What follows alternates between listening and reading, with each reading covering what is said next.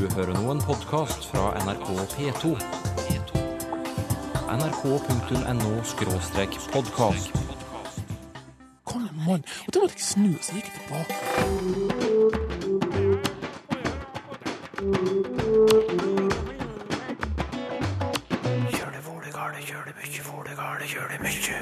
Nytt verk gir oss hele historien om det norske språket. Det kunne egentlig sett nokså annerledes ut. Det kunne til og med vært slik at vi ikke gjorde forskjell på svensk og norsk. Sammensatte ord som ligner på hverandre, kan ha svært ulik betydning. Mens en kaffekopp er en kopp til å ha kaffe oppi, så er jo ikke en porselenskopp en kopp til å ha porselen oppi. Nei. Og en slakterborger, hva var det? Det må jo være en som har borgerskap som slakter. Hva er det mest spennende som har skjedd med norsk språk i din levetid? Jeg syns jo også det er veldig spennende at eh, dialektene er Altså, de får mer og mer status. Så nå er det jo det er veldig mange som skriver på dialekt på Facebook f.eks. Og det, man sier jo at man har skrevet på dialekt før òg, men det har aldri vært så synlig som det er med Facebook i dag, da. Og dialektenes plass og status i det norske samfunnet er et av mange temaer du kan lese om i det nye, store verket Norsk språkhistorie. Studenten du nettopp hørte var til stede da norsk språkhistorie ble presentert på NTNU i Trondheim denne uken. For det har vært 38 forfattere fra nye institusjoner. Og det tar sin tid å få 38 stadige akademikere til å gå i takt. Det er den første store sammenhengende norske språkhistorien som er gitt ut. Rundt 2000 sider. Og som du hørte, nesten 40 forskere har bidratt. De kommer fra universiteter og høyskoler i alle landsdelene, bl.a. NTNU. Navnet mitt er Stian Horstad, og jeg er bidragsyter i bind tre, der jeg har skrevet sammen med Britt Mælum om hva språk spiller sammen med opplevelsen vår av en stedsidentitet. Eh, Der, altså Dialekt er kanskje det mest typiske. Altså Du kommer fra en plass og har en dialekt. Hei, jeg heter Eli Rånes, og jeg jobber på NTNU på enheten for tegnspråk og tolking. Og i bind to av språkhistoria så har jeg skrevet den delen som handler om norsk tegnspråk i et språkhistorisk perspektiv. Ja, Ivar Berg ved NTNU. Jeg har skrevet om geografisk variasjon i norsk før i år 1600, altså den perioden da de norske dialektene blir til. Det har vært skrevet vitenskapelige verk om norsk språks historie tidligere også, men de har ikke favnet så bredt. Og ikke minst, den siste utgivelsen satte punktum på 60-tallet en gang. Så hva er annerledes i måten dette nye verket framstiller språkhistorien vår på? Jeg spør en av hovedredaktørene, Helge Sandøy. Det aller største forskjellen på eh, tidligere verk og verk som er skrevne nå på 2000-tallet, er at eh, vi i dag tenker annerledes omkring språket og hva institusjon det er i samfunnet.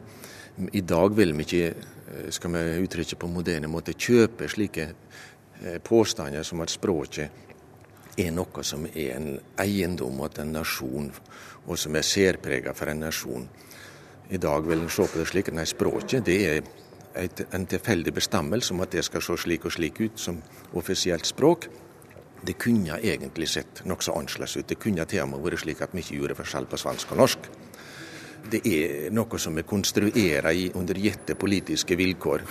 Og så Derfor blir norsken slik som den er, for at vi har en politisk historie. De fire tykke historiebindene rommer selvfølgelig en kronologisk språkhistorie, fra runer til moderne norsk, men vi er også innom temaer som bl.a. språkendringer i norsk, språklydene våre, ordforrådet vårt, ulike tekstsjangere, uformelt talespråk, navn, og for første gang er minoritetsspråk som samisk og romani løftet fram. Norsk som andrespråk har også blitt et naturlig tema siden forrige språkhistorie, som altså kom på midten av 60-tallet. Hva synes Helge Sandøy selv er det mest interessante som har skjedd med norsk språk siden den gang? Det var jo akkurat før det begynte en helt ny tid, for oss i Europa iallfall. Med, som du vet, 68-generasjon, opprøret i Paris, og vi fikk en veldig desentraliseringspolitikk i Norge. Etter krigstida var ferdig, Eh, slik at nå var vi ikke så opptatt lenger til at vi alle sammen skulle streve for å bygge opp det felles landet vårt. Det begynte å utvikle seg nye interesser for at vi kom over i massesamfunnet. Og det har jo skapt en ny epoke i kulturhistorien vår som vi kaller det senmoderniteten, og som ga seg utslag i Norge med dialektbølgen på 70-tallet. Og mens vi da etter krigen på en måte har slutta mer og mer opp om et standardspråk, begynte å bli mer og mer lik Europa, så kom det motsatte bevegelser. eh, Altså at pendelen slo ut i hi retninger, og vi gjorde opprør mot autoriteter som, som uh, brukte standarden som sett og eh, hegemoniske middel. Og det har jo skapt en helt ny norgeshistorie i, i språklig sammenheng. Sa Helge Sandøy, språkprofessor ved Universitetet i Bergen, og en av hovedredaktørene for det nye verket Norsk språkhistorie. Innledningsvis hørte du også tre av forskerne som har bidratt. Vi kan jo vende tilbake til dem og høre hva de vil trekke fram. Det er kanskje hvordan norsk eh, møter andre språk. Altså at norsk ikke lever i isolat. Det har jo selvsagt eh, forekommet i hele historien, men bevisstheten om det har i hvert fall økt på 50 år. Ut ifra mitt perspektiv og mitt ståsted, så eh, for 50 år siden så var ikke norsk tegnspråk anerkjent som et språk. Så at det nå er inkludert i den eh, nye utgava, den store praktutgava av norsk språkhistorie, det er faktisk for eh, norsk tegnspråk en stor seier. Språket har en nær 200-årig tradisjon. Men aksepten av det som et selvstendig språk, som et eget språk, den er faktisk relativt ny. Hvis jeg vil trekke fram noe, så er det noe som gjelder eh, all språkhistorie. Det er jo at språkvitenskapen beveger seg framover og får nye teoretiske modeller, som gjør at vi også kan finne ut noe nytt om det som har skjedd før.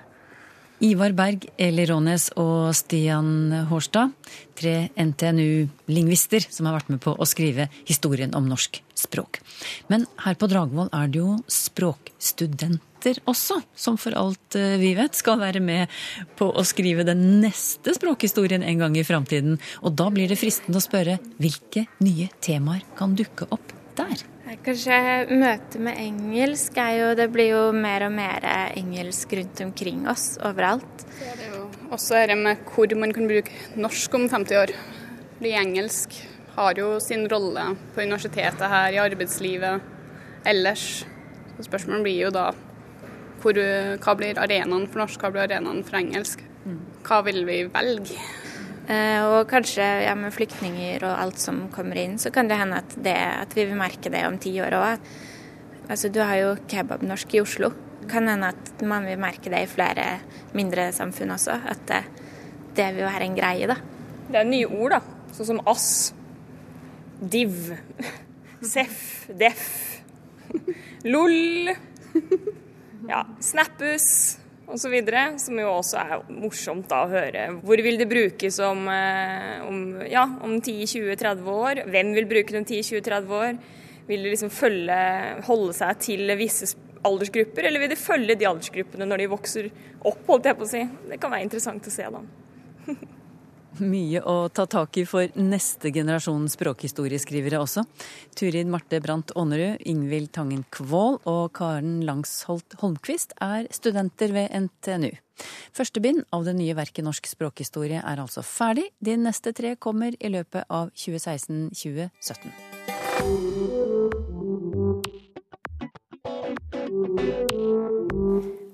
Hva er en kaffekopp?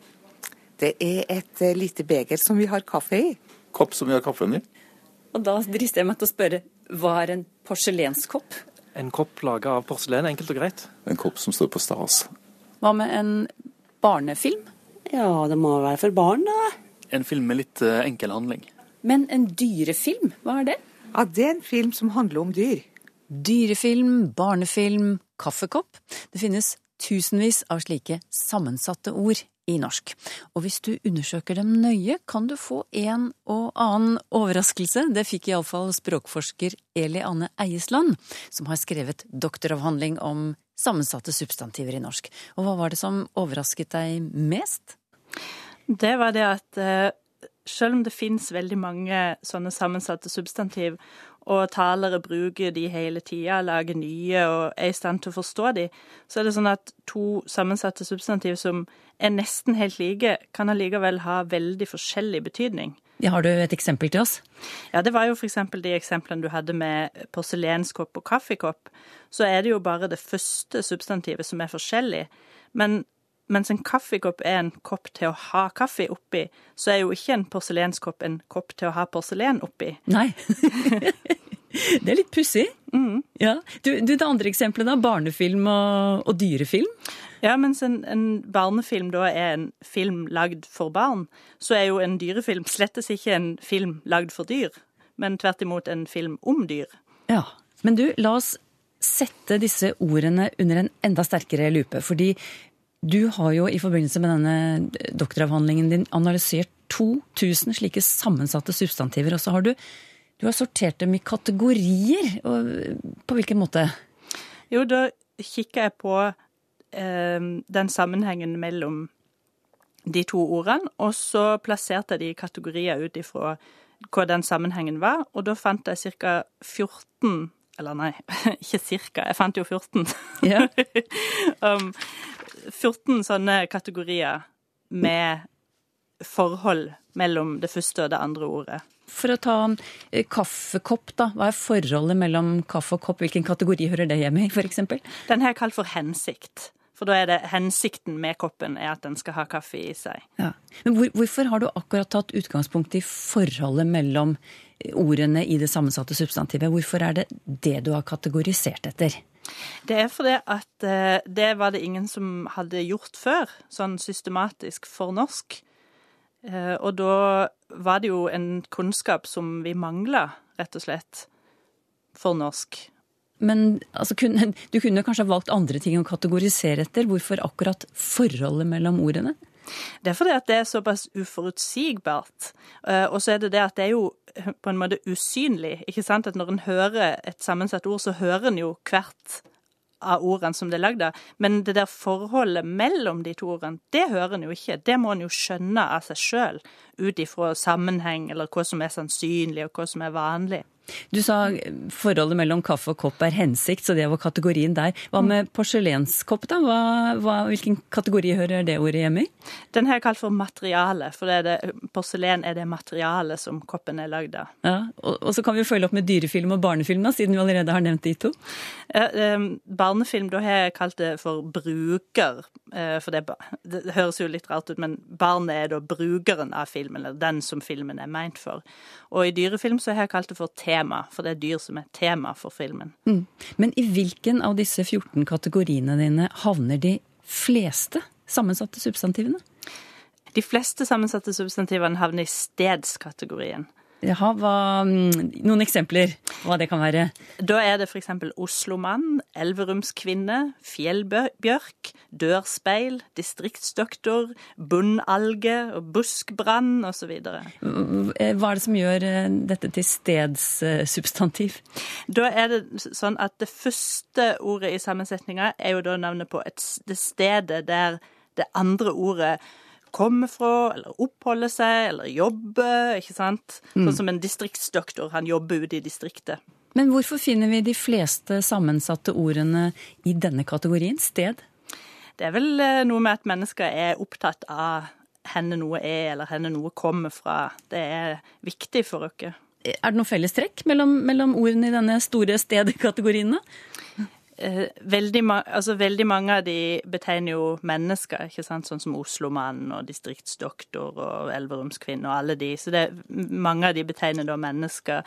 Mange betegner også dyr, sånn som det er veldig mange na sånn sammensatte navn på dyr som sier noe om hvor en kan finne det dyret. ikke sant? Eh, Bondalge, eller plante, da. Bondalge, borebille. Det er jo det er jo for så vidt ryddig og greit hittil, da, med disse kategoriene. Men, og at eh, Ganske forståelig forklaring på hvorfor eh, et ord hører hjemme i en bestemt kategori. Men har du eksempel på et slikt sammensatt substantiv som kan bety flere ting, og derfor høre hjemme i flere kategorier? Ja, da er det f.eks. hvalsang. Det var et sammensatt substantiv som jeg fant i mine data. Det kan jo da enten bety eh, sangen som en hval synger, Eh, Men det kan òg bety en sang som handler om en hval. Ja. Har du flere sånne? Gummiarmer. Det kan jo da enten bokstavelig talt bety altså, tøysete armer lagd av gummi, eller det kan bety noen armer som er veldig fleksible. Hvis du har gummiarmer, så kan du kanskje strekke armene langt bak på ryggen. Ja. Kjendisbarn? Ja, det er jo òg tvetydig. Det kan jo bety da enten et barn som sjøl er kjendis, eller det kan bety bare barnet til en kjendis, altså der foreldrene er kjendis. Ja. Mm. Du fant eh, over 60 000 sammensatte substantiver i norsk. Det er et stort tall. Hva sier det deg? Det, det er det vi kaller for en produktiv måte å lage nye ord på. Det vil si at en talere bruker den hele tida til å lage nye ord. Ja, men, jo, men eh, altså, hvordan er vår produksjon av slike ord sammenlignet med andre språk? Både norsk og dansk og svensk er nok over gjennomsnittet ivrige på å lage sammensatte ord. Mye mer enn eksempel engelsk bare, og en, veldig mye mer enn eksempel fransk, som ikke bruker den måten å lage ord på så veldig mye. Hvorfor er vi så ivrige på å lage slike sammensatte ord, da? Har du noen tanker om det? Det er jo den eh, måten som har blitt den vanligste måten å lage nye ord på. De aller fleste nye ordene som kommer inn i norsk, de er sammensetninger. Sa Eli Anne Eiesland ved Universitetet i Oslo. Hun har skrevet doktoravhandling om sammensatte ord. Kjør det vålegale, kjør det mykje, vålegale, kjør det mykje. Hva er en slakterborger? Det er første spørsmål det i lytterspalten vår i dag. Thomas Holtermann Østgård trekker fram den gamle skillingsvisa Bli itte sånn som meg. Der nevnes ordet slakterborger, og hva er det for noe, Tor Erik Gjenstad? Ja, den visa her så heter det vel noe sånt som at eh, du kan bli slakterborger, aldri pengesorger. Og det er alt mulig da som den heller ikke ungen kan bli når han eh, en gang blir stor. Men en slakterborger, ja, det må jo være en som har borgerskap som slakter i en by eller en kjøpstad. Det handler jo om eldre forhold, det her, der næringslivet var veldig sen sentralt regulert. Og du må ta løyve til å drive såkalt borgerlig næring. Du kunne være handelsborger, håndverksborger. og Du måtte altså ha rettigheter til å drive næringsvirksomhet som ikke var fri. Og det der eh, kunne du vel få da ifra politimester, kanskje lensmann. Og du måtte vel da avlegge en ed og betale ei avgift, sikkert, for å, å komme inn i det, det gode borgerskap. Frank Gulliksen kom over et ord for politi som han ikke hadde hørt før. Bøggen. Dette var satt i sammenheng med et annet ord han syns er interessant. Broie. Eksempel 'slutt å broie, bøggen kjem'. Og nå vil han vite hvor ordene bøggen og broie kommer fra.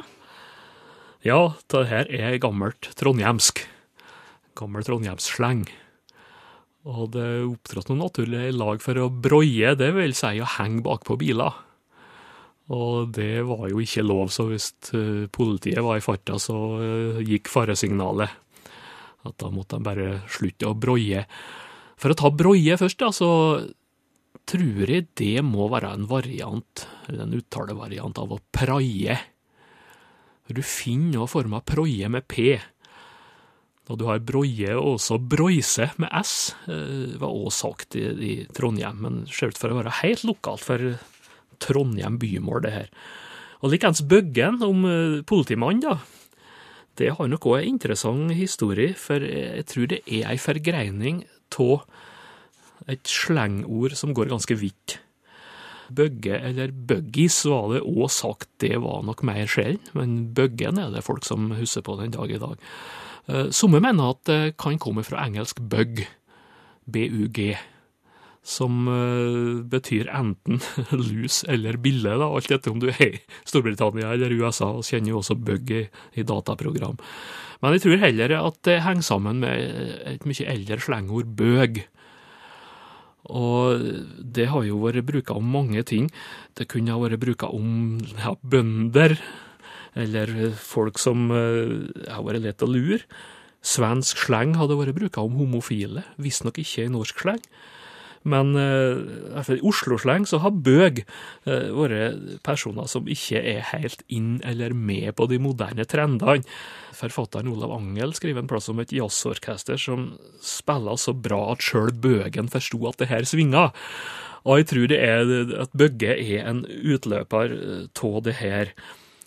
Og Bøg, og sannsynligvis også da Bøgge, kommer fra et gammelt, hemmelig språk, monsing, som svenske kramkarer bruker. Det er dokumentert fra 1700-tallet. De bruker det her til å forhandle seg imellom om pris, uten at kundene forsto hva det dreide seg om.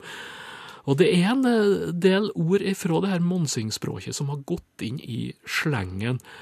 Det var et par andre ord for politi, kanskje litt mer kjente ord utover landet. Purk og snut. Ifra det her monsingspråket. Og likeens ordet spenn om penger. Det er flertall av spann, egentlig, som da brukes som et verdimål. Altså at det så og så mange spenn. Og det her eh, har jo gått inn da i vokabularet til ja, kanskje forbrytere og omstreifere, og de her kramkarene, de har jo møttes på vei til og fra byen, på kroer og slike plasser, og kanskje til og med i arresten. Så det har etter hvert glidd inn i byslengen. Det er et slikt lag med ord som er veldig interessant, egentlig, og som henger sammen med framveksten av større byer. Gunnar Bjørn Olsen vil vi skal fortelle om ordet Nova. Han skriver rundt omkring i landet brukes ordet Nova om hjørnet på hus. I lafteteknikk brukes Nova om den delen av stokken som stikker utenfor hjørnet. Det blir påstått, sier han, at lafting kom til Norge fra Russland. Kan ordet Nova stamme derfra? Ja, det tviler jeg vel på. Det finnes det jo i norrønt, også som nov. Og lafting det er jo kjent ifra vikingtiden, da.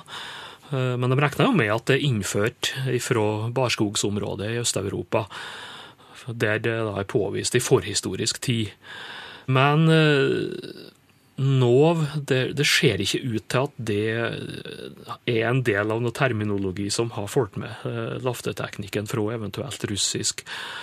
Det er norrønt ord, og det, det har nok slektninger kanskje i nabb, som stikker ut som du henger et eller annet på, og i nev, om nebb eller spiss på en eller annen måte. Så vidt jeg vet, så er det ikke noe tilknytning i russisk. Det er jo muligens en forbindelse med navet i et hjul, men det er, er mer usikkert. Nå blir ordet nov uttala nav somme plasser, men den sammenhengen er altså uklar. Men neppe noe russisk her, nei. Svein Kristen Nesje spør oss om ordet yacht. Han er så yacht, sa jentene i Drammen da Svein Kristen var ung. Og han sier han tror det var et ord som ble mest brukt av jentene da. Det betegnet den stort sett negative sider ved de unge herrer. Litt sånn tilgjort, snål, blærete kanskje. Jeg har ikke hørt ordet utenfor Drammensområdet, skriver Svein Kristen Nesje. Nå lurer han på om det kan være et gammelt ord? Ja, det der er steingammelt, det. Det går tilbake til gammelnorsk, eller norrønt, ljoter. Og finnes det jo i mange målføre, iallfall tradisjonelle målføre, uh, både Øst- og Vestlandet. Uh, I former som uh, jot og gjøt og yacht og, og yacht. Og kanskje enda flere. Og det betyr flere ting. Utgangspunktet er vel kanskje lite pen. Altså stygg å se til, rett og slett. Og så glir det over til å bety ja, lei, fæl, vond, ulikelig, blærete, som det er sagt her. Negative egenskaper. Og du har for eksempel et, en nemning på den vonde, altså fanden sjøl, er den ljote, altså styggen. Det er jo samme forestillinga. Og så kan det bli forsterkende adverb, som vi var inne på flere slike, som får avbleika betydning og blir bruka rent forsterkende. Så da kan du få uttrykk som ei jått pen jente. Så styggvakker, rett og slett. Så det mista den egentlige betydninga. Men går vidt ikring, altså, i tradisjonell dialekt. Og langt ifra bare Drammen, men store deler av østlandsområdet har varianter av det her. Øyvind Fredriksen fra Karmøy har et spørsmål om e-ending på hun, hunnkjønnssubstantiv i bestemt form entall. Det er noen eksempler her nå. Døre, sole, eller bokje, boke. Um, norsklæreren på videregående ble veldig overrasket uh, over dette, sier han. At dette var, fantes på Vestlandet, hun var fra Sørlandet. Hvor spesielt er det egentlig? Tja, eh, det er iallfall et ganske godt dialektmerke denne endelsen i bestemt form entall på såkalt sterke enstava hokjønnsord, typen dør og sol og, og bok. Og det er nå da først og fremst i et sørvestlig hjørne da, at det er noe annet enn den her vanlige A. Vanligvis så slutter de jo på A. Døra, sola, boka eller bokja. Og mest kjent er eh, det er nok da de her midlandsmåla med Gudbrandsdalen, eh, Valdres, Hallingdalen, og også eh, noe da i, i Telemark. Men du har altså på Vestlandet Men det er vel mer i retning av en æ, denne endelsen. I store deler av Hardanger så det vil være døre, Solæ og bokje. Og det er et ganske betydelig område på Vestlandet, da. Kommer du lenger sør, til Sunnhordland og Ryfylke, så vil de jo slutte på, på O, altså dø, døro. Og kommer du ned til Jæren, eksempel, så blir det dørå. Da går den over til Å. Så det er et ganske stort område da, som gjør forskjell på sterke og svake hokjønnsord i bestemt form entall, som får forskjellig ending, og det er et godt målmerke. Men regner du med E og Æ, slår i hop dem som varianter, så kommer òg en del av Vestlandet med. Og likeens på Sør-Helgeland, der dukka det der opp igjen, med typen døre eller døre. Har du spørsmål til Språkteigen? Skriv til Teigen, krøllalfa nrk.no, eller til Språkteigen, NRK P2, 7005, Trondheim. Så finner du oss også på Twitter og på Facebook. Ja,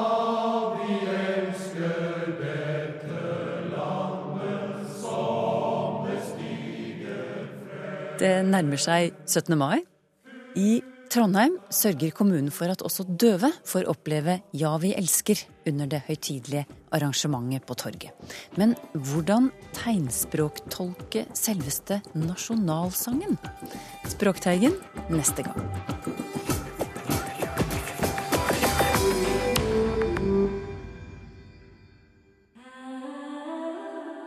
nrk.no podkast.